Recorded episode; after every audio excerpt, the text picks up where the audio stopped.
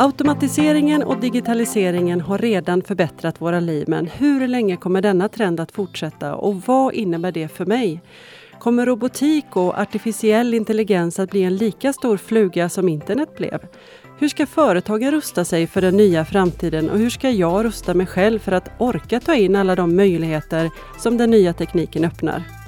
Detta är en podd om det spännande skede vi står inför och hur du som företagsledare, medarbetare eller människa i största allmänhet kan tänka och göra. Jag heter Anna-Karin Öjerskog. Välkommen till AX-podden!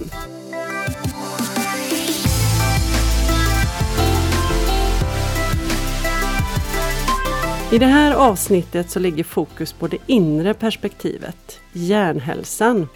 Vi träffar Jenny Nyberg som är doktor i neurovetenskap vid Göteborgs universitet. Välkommen! Tackar! Jag är nyfiken. När vaknade ditt intresse för hjärnan? Ja, eh, jag pluggade på universitetet i Umeå. Eh, men jag är härifrån från början. Så flyttade jag tillbaka hit och gjorde mitt exjobb, eller examensarbete här. I Göteborg? Ja, eh, inom neurologi. Och då gjorde jag det för en eh, man som hette Peter Eriksson, som var professor här. Och eh, då... Eh, han, han har tyvärr gått bort alldeles eh, för tidigt. Men han eh, hans grupp blev väldigt känd för han gjorde en ganska stor upptäckt när det gällde neurologi och hjärnan. Det här att hjärnan kan bilda nya nervceller. Den vuxna hjärnan kan göra det, vilket man inte trodde förut. Eh, och det var en ganska stor hype om det här. Han fick massa priser för årtiondets vetenskapliga upptäckt och så vidare. Så då blev man ju väldigt intresserad av det. Så att jag eh, började doktorera för honom eh, efter det. Du kände att det var din grej? Ja, jag tyckte att det var väldigt intressant. Och hjärnan är ju fascinerande. Den är ju speciell, för den bestämmer ju. Den är ju liksom bossen överallt. Ja, det är frustrerande. Man tror att man bestämmer över den för man har den i sig, men det är inte så. Nej. Den har en egen agenda. Eh, under den här tiden som du då beskriver, där du doktorerade, så låg ju fokus på grundforskning kring mm. just det du beskriver, hjärnans plasticitet. Mm. Vad vet vi idag om hjärnans förmåga att bilda nya celler? Eh, man vet ju betydligt mer. Jag, jag, jag tycker inte det var så himla länge sedan man sa att när, när man föds och när man växer upp så bildar man sin hjärna och sen så har man den hjärnan resten av livet och sen så går det bara utför. Om man slår i huvudet så tappar man hjärnceller, man får aldrig tillbaka dem, man super bort sina hjärnceller och så vidare. Och så vidare. Eh, att den inte kan återbildas som andra strukturer som till exempel huden, får du ett sår i huden så bildas nya hudceller och det läker och så vidare. Eh, och man hade ju Innan hade man sett det hos djur. Eh, som råttor och möss, apor och så vidare. De har ju ganska, alla däggdjur har ju eh, ganska lik hjärna när det gäller de här lite mer primitiva processerna. Eh, men man hade inte sett det hos människor anled och sa att nej, människor kan inte göra det. Anledningen är för att det är ganska metodmässigt svårt att bevisa hos människor. För att vad man måste göra egentligen är att avliva djuret och titta i hjärnan. Eh, och det är svårt att göra hos eh, människor. Eh, men Peter fick... Eh, eh, han hade en kollega som var onkolog på Sahlgrenska. Som eh, hade eh, ett antal patienter med eh, avancerad cancer. Jag tror det var någon strup eller halscancer. Eller vad det var. Och i djur, när man ska studera det här, så sprutar man in ett ämne i djuret som mm, åker och binder speciellt till de här nya cellerna som har bildats. Och sen så kan man se dem i mikroskop. Men det här ämnet är också eh, toxiskt och så vidare, så man får inte spruta in det i människor. Men de här hade fått det ändå i ett diagnossyfte då. Eh, så de hade det i sin kropp. Och de här patienterna eh, donerade sina hjärnor till Peter efter de gick bort. Och då kunde vi se i mikroskop att det hade bildats nya hjärnceller även hos de här patienterna. De var ju ganska gamla, de var ju ja, 70-80 år. Eh, så även i, så pass gamla patienter så bildas det nya nervceller. Mm. Spännande. Så då, då blev det ju väldigt så stort. Och nu har det ju kommit, blivit mycket mer accepterat att det är så här, mm. att det bildas nya hjärnceller. Det har kommit en eh, snygg studie från eh, Karolinska där de har använt eh, kol-14-metoden eh, och bevisat i stort sett samma sak. Då. Mm. Och eh, hjärnan är ju väldigt formbar, inte bara det att det bildas eh, nya nervceller eller hjärnceller på vissa ställen utan ehm, ja, men med allting. Det bildas nya utskott eh, på cellerna och det kan bildas längre eller kortare. Cellerna kan välja vilka andra nervceller de vill prata med. De kanske vill mm. prata med dem och inte med mm. dem. Och, mm. Så det sker hela tiden det händer en massa grejer där. Mm. Det känns som det är ett eget litet samhälle. Det, det är lite det. Ja. Men det här, det här är ju så oerhört intressant. Jag tänker just på arbetsplatser. Eh, vi som börjar komma upp till åren känner väl ibland så här, nej men jag är som jag är. Mm. De unga får anpassa sig. Jag, mm. jag kan inte mm. ändra på mig. Det är mm. lite jobbigt med ny forskning som talar om att det inte är sant. Att man faktiskt kan jobba med sig själv. Precis. Hur väl mottagen har resultatet blivit? Jo men jag tycker att det eh, mottas ganska positivt. Som att det är ganska hoppfulla resultat. Mm. Uh, att det, det aldrig är för sent och att uh, det är inte är kört. Att det finns liksom någon form av uppbyggande processer i hjärnan, inte bara nedbrytande. Ja. Uh, för att det är ju så att både den här plasticiteten och olika hjärnförmågor, som mental, mentala förmågor och så vidare, det minskar ju med ålder. Inte alla, men vissa. minne och så vidare. Eh, men att det finns faktiskt motverkande processer som gör att eh, det inte behöver minska lika snabbt eller att det kanske kan hålla sig på en mm. jämn nivå och så vidare. Just det, och jag tänkte vi skulle komma in på det nu för att efter många år av just den här grundforskningen av, av formbarheten och stamcellerna så utför du i nuläget något som heter epidemiologisk forskning om jag nu talade rätt. Exakt. Vad innebär det då? Eh, det innebär att man kan titta på lite grann samma frågeställningar fast på ett annat sätt. Om jag tidigare höll på och jobbade på labb och djurförsök och odla celler och små provrör och, och så vidare. Eh, och då tittade jag eh, bland annat på hur man kan påverka den här plasticiteten i hjärnan och hur man kan påverka nybildandet av nervceller av olika, eh, på olika sätt. Vad vi såg då var att en av de sakerna som hade Eh, störst påverkan eh, på hjärnans förmåga att bilda nya nervceller var just fysisk aktivitet. Och hur fysisk aktivitet påverkar hjärnan kan man då studera från eh, många olika håll. Och, och, som jag gör nu med hjälp av epidemiologi, det är egentligen registerstudier. Man använder sig av databaser. Vi har en eh, jättestor databas som eh, utgår från äh, mönstringsdata, alla män som har mönstrat här i Sverige. Sen 60-talet Sen alltså? 1968, så det är ungefär två miljoner män vi har data på nu. Omfattande material. Ja, mm. det är det. Och det är väldigt, äh, när man är utomlands och föreläser och så, så är de väldigt fascinerade över att vi har så mycket information om så många. Så det är ganska unikt eller speciellt här i Sverige. Mm. Eh, eller Norden i varje fall. Men eh, vid mönstring så gör man ju olika tester. Man gör fystester, man testar om objektivt konditionen. Många andra studier utgår från man tar kanske en äldre population och så frågar man hur bra kondis hade du när du var 18? Och, och felkällorna där är ganska stora. Ja, man vill ju gärna tro bättre om sig själv. Ja, eller, och vissa är ju faktiskt tvärtom Jaha, också. Så att, ja. äh, men, Extremt subjektivt i alla fall. Ja, mm. precis. Men här, här mäter man objektivt. Och, man gör mus tester av muskelstyrka, man gör IQ-tester. Det är en läkare som kollar um, om man är sjuk eller inte. Man ser en psykolog och ja, allt möjligt.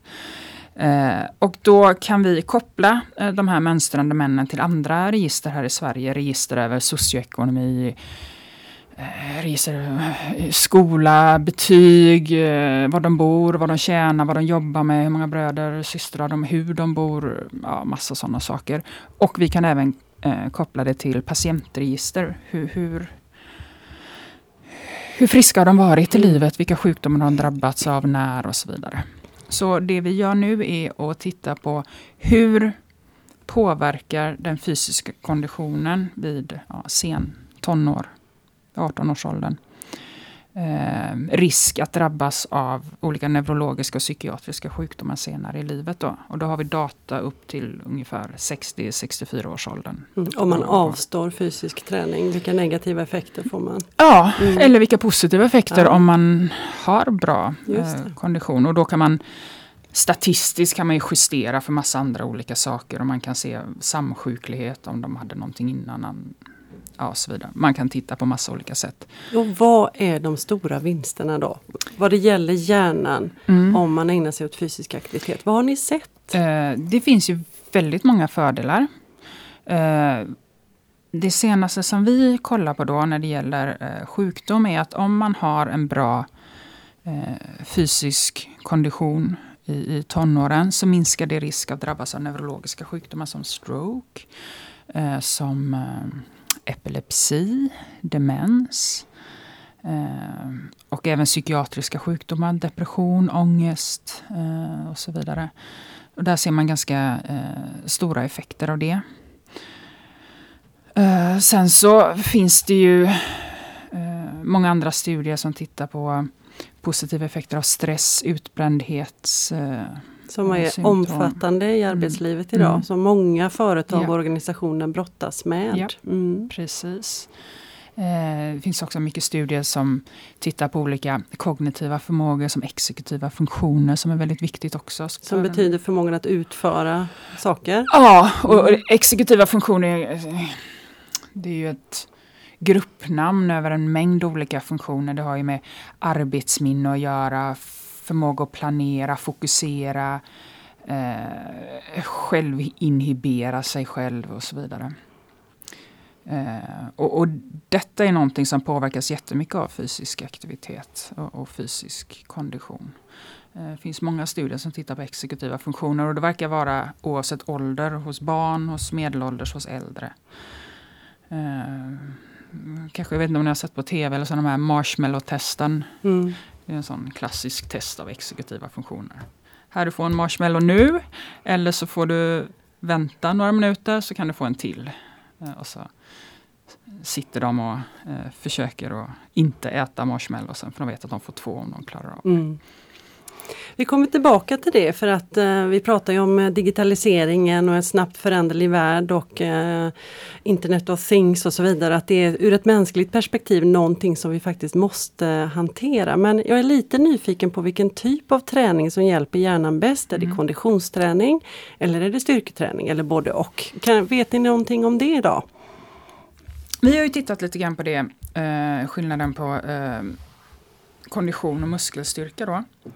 Och vad vi ser i våra studier är att en konditionsträning har den bästa effekten. Eh, muskelstyrka eh, eller muskelträning har en viss effekt, skulle kanske säga hälften av konditionsträning. Eh, de flesta studier har fokuserat på konditionsträning så där finns det mest gjort. Eh, kan det vara en del av resultatet att man har studerat konditionsträning mer eller vet man att den faktiska effekten är större? Jag tror att den är större. Mm. Men jag tror att, kan, jag vet ju inte, men jag tror kanske att eh, eh styrketräning har blivit lite bortglömd. Att den kanske Diskussionen går lite grann som att konditionsträning är det bästa, muskelträning är inte viktigt. Och det tror jag inte är riktigt sant. Utan jag tror att det finns eh, en del effekter där också som att man kommer se mer forskning om det. Det kommer lite sådana grundforskningsstudier nu som visar på att just när muskler arbetar så utsöndras vissa faktorer som har eh, positiva effekter på hjärnan och så vidare. Så jag tror det kommer komma lite mer, men det är ganska nytt. Eh, men det man ser är ju definitivt eh, konditionsträning och vad som också är viktigt att påpeka är att det inte alls att mest är bäst. Utan det verkar vara en liten upp och nervänd U-kurva.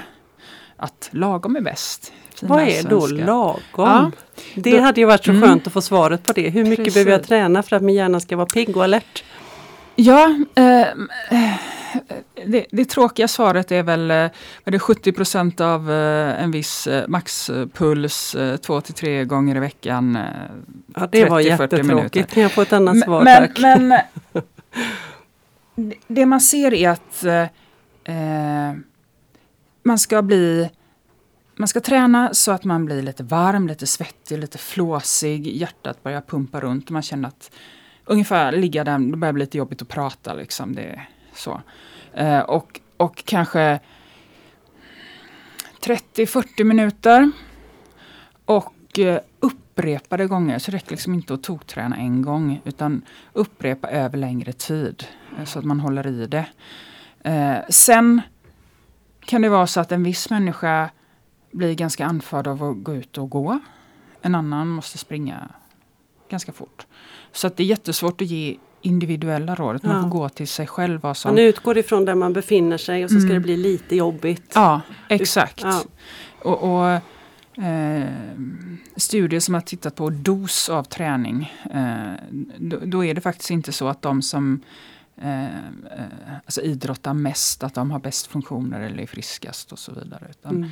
Eh, det finns någonting som heter överträning mm. Eh, och, och man kan träna för mycket ofta handlar det om elitidrott och så vidare. Och det är ju kanske inte problemet i dagens samhälle att alla idrottar för mycket så att de blir Nej. dåliga. Så för att eh, träna sin hjärna, om jag tänker på mig själv, så handlar det om att överhuvudtaget få till eh, någon träning i vardagen och kanske att man utgår ifrån sig själv och tar nästa steg, nästa nivå eh, för att träna sin hjärna. Men vad kan jag som företagare göra för att stimulera fysisk träning bland de anställda? Kan jag få lite konkreta tips? Ja, alltså dels kan man ju ha olika former av belöningar eller morötter för att personalen rör på sig.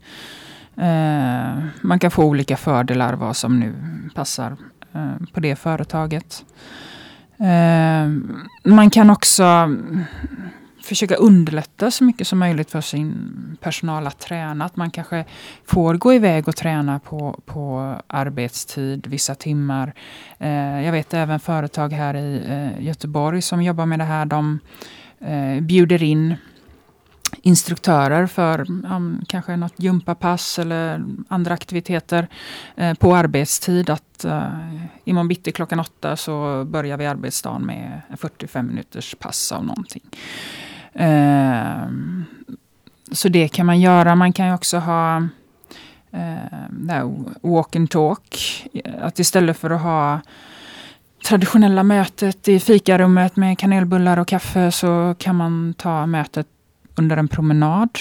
Eh, och promenader, från forskningens håll så har man sett att även promenader ger effekt på hjärnan, både hjärnans struktur och hjärnans funktion. Så jag behöver inte gå ut och springa? Är det det du sitter och säger? Ja, det beror lite grann på vart du ligger ja. i, i vart din baseline är om man ja. säger så. Det har gjorts en studie på äldre eh, patienter som eh, fick vara ute och gå och då såg man att eh, under ett år jämfört med de som inte eh, fick det, de fick stretcha så länge. Tror jag det var.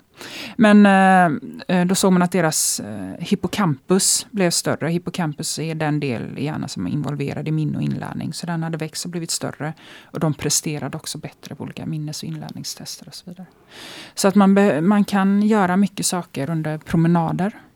Eh, så det, det finns ju flera sätt. Men jag tror att jag tror på kanske på olika former av morötter och underlättar nog ganska Jag tror att ganska många vill röra sig men de har inte tid och de ska få ihop livspusslet och allting. Men finns det då former på arbetstid som underlättar det hela. Mm. Och jag tänker också att, att vara mer tillåtande, alltså det som har varit på många arbetsplatser nu, man har friskvårdsbidraget så, mm. så det är upp till var och en anställda. Mm. Och det man kanske ser om man inte har träning som en naturlig del i sitt mm. liv, det är att jag ska gå och köpa ett gymkort och bara mm. det kan skapa en mm. ångest att gå in i den miljön. Ja. Att kanske hjälpa till och se att det finns så många olika saker man faktiskt kan göra. Precis. Och det behöver inte vara att prestera på ett maraton eller en svensk klassiker Nej. utan det handlar om att få in reseglädje i vardagen. Exakt det, det är väldigt mycket det och, och många av studierna eh, har ju varit, man har tittat på löpning och springning för att det, det är väldigt lätt sak att göra och mäta på och så vidare. Men det är också viktigt att man tycker om det man gör. För gör man, tycker man inte om det man gör eller tycker man inte om löpning eh, så kommer det kommer inte hålla i längden att man gör det regelbundet. Man kanske gör det några veckor och tycker att man är jätteduktig och sen så gör man inte mer. Mm. Eh, och också att det kan också bli en ytterligare stressfaktor. Att man, man tvingar sig själv att göra någonting som man inte vill. Så då är det bättre att man rör på sig på andra sätt. Om man, hittar, man kan dansa, man kan cykla, man kan hålla på med någon sport eller idrott som man tycker är rolig. Men också vad jag tycker, precis som du säger, att vardagsrörelsen är jätte, jätteviktig. Att man, man kan tänka sig att cykla någonstans eller gå någonstans eller ta trappan och inte bara sitta stilla. Eh, så det, är definitivt jätteviktigt. Jag har en egen favorit och det är höga hopp.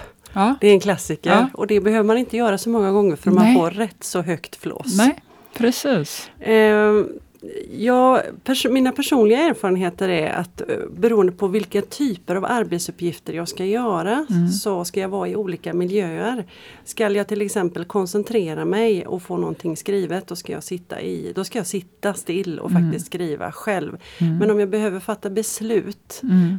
Eh, om jag behöver vara kreativ, om jag Mm. behöver liksom se framåt och visionera, då ska jag inte sitta still, då ska jag ut och gå. Mm. Och det räcker inte att gå på ett gåband, jag måste verkligen vara i naturen.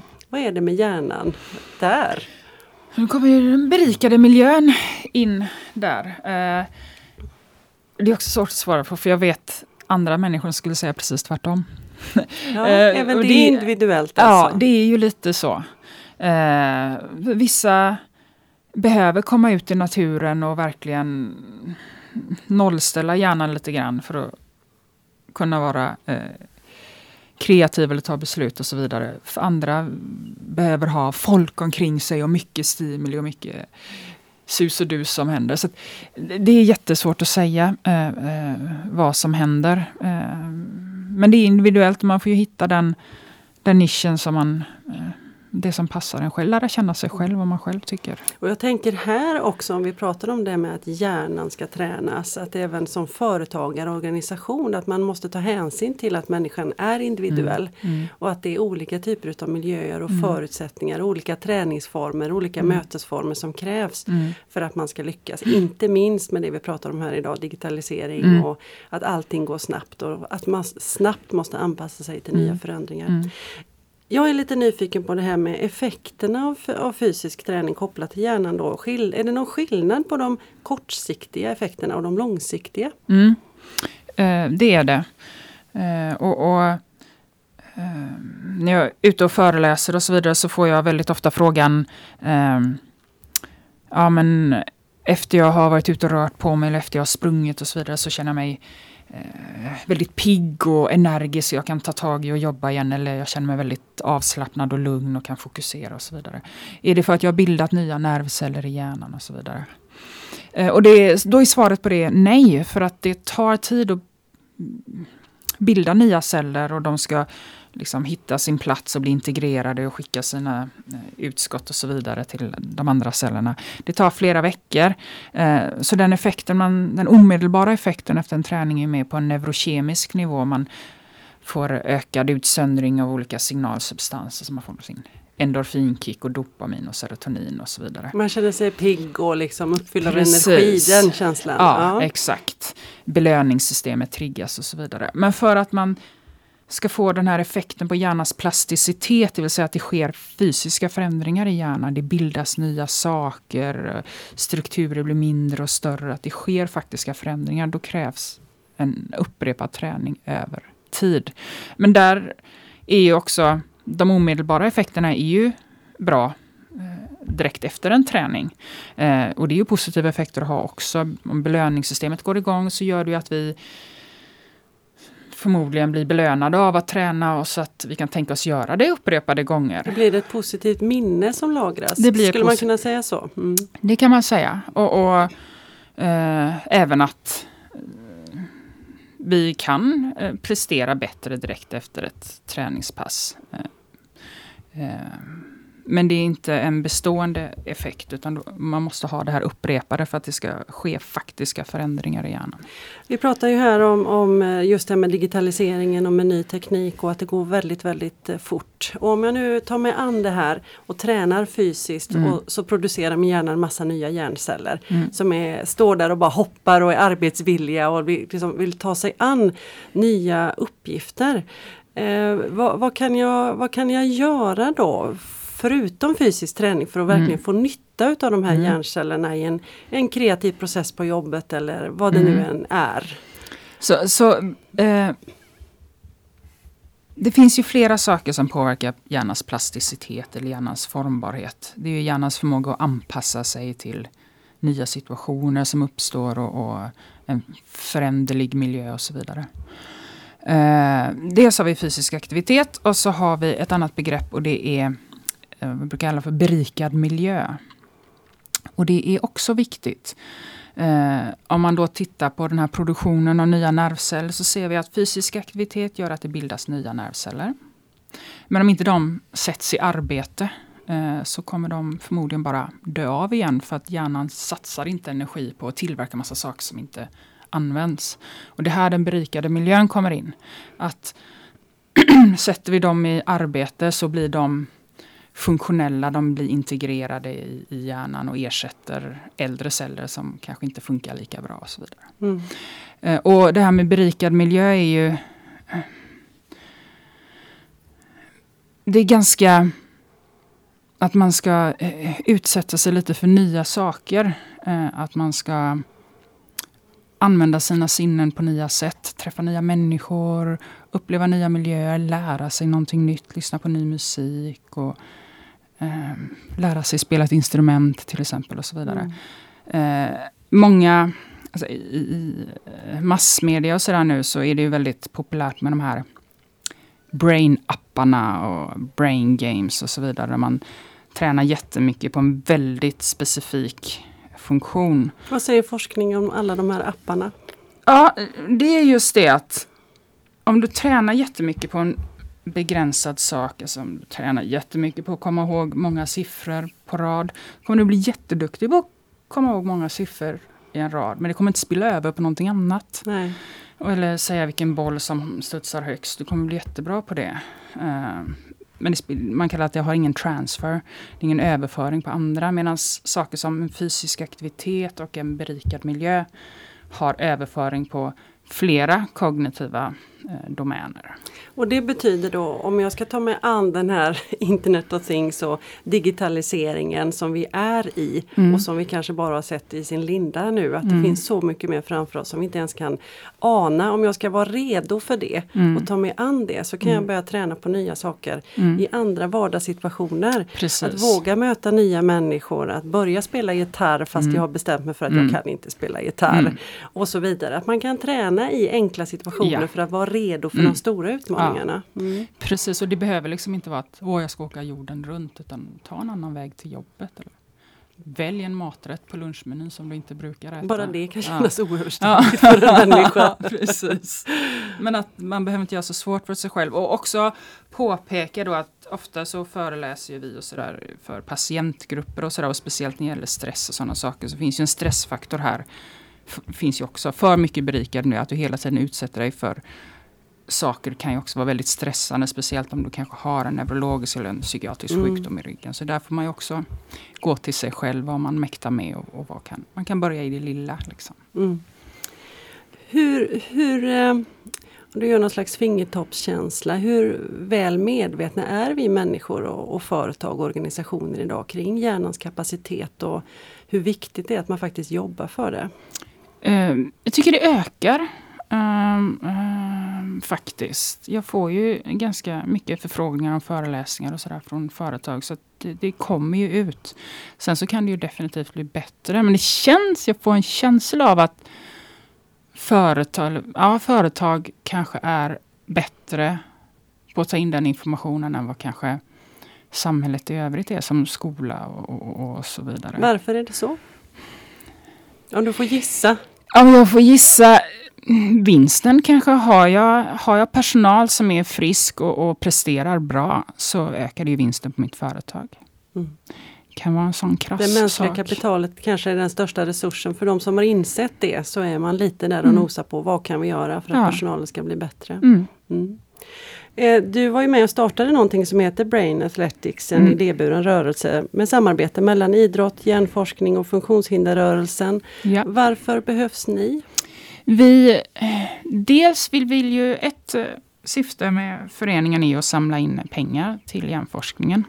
Eh, som, som har med eh, fysisk aktivitet att göra och så vidare. Vi vill också verka för folkhälsan eh, och då har vi ju eh, hjälper till att organisera eh, Göteborgs jubileumslopp som går i september som är eh, en mil eh, lopp här i Göteborg som man gärna får anmäla sig till.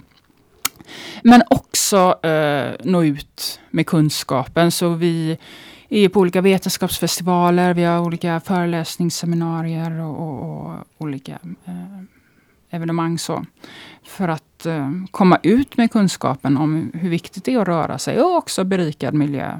Men till samhället, till eh, allmänheten, till politiker, skolan eh, och så vidare. Mm. Eh, Jenny, vi, vi lever i en digitaliserad och snabb värld och hjulen tycks eh, snurra allt snabbare och eh, ibland kan ju hjärnan vara den som kanske begränsar det. Vågar vi tänka en tanke så, så säger en del att det är möjligt att genomföra men att vi kanske begränsar oss. Men här i AX-podden så tillåter vi oss att spåna även om ni gärna vill ge evidensbaserade svar, ni forskare, jag vet ju det. Men vilken är din personliga reflektion kring mänskligheten? Är vår hjärna rustad för det här eller blir det härdsmälta eller hjärnsmälta kanske man ska säga? Ja, om man ska se det rent evolutionärt så kanske vi inte är rustade för det. Ehm. Det är en svår fråga. Ehm.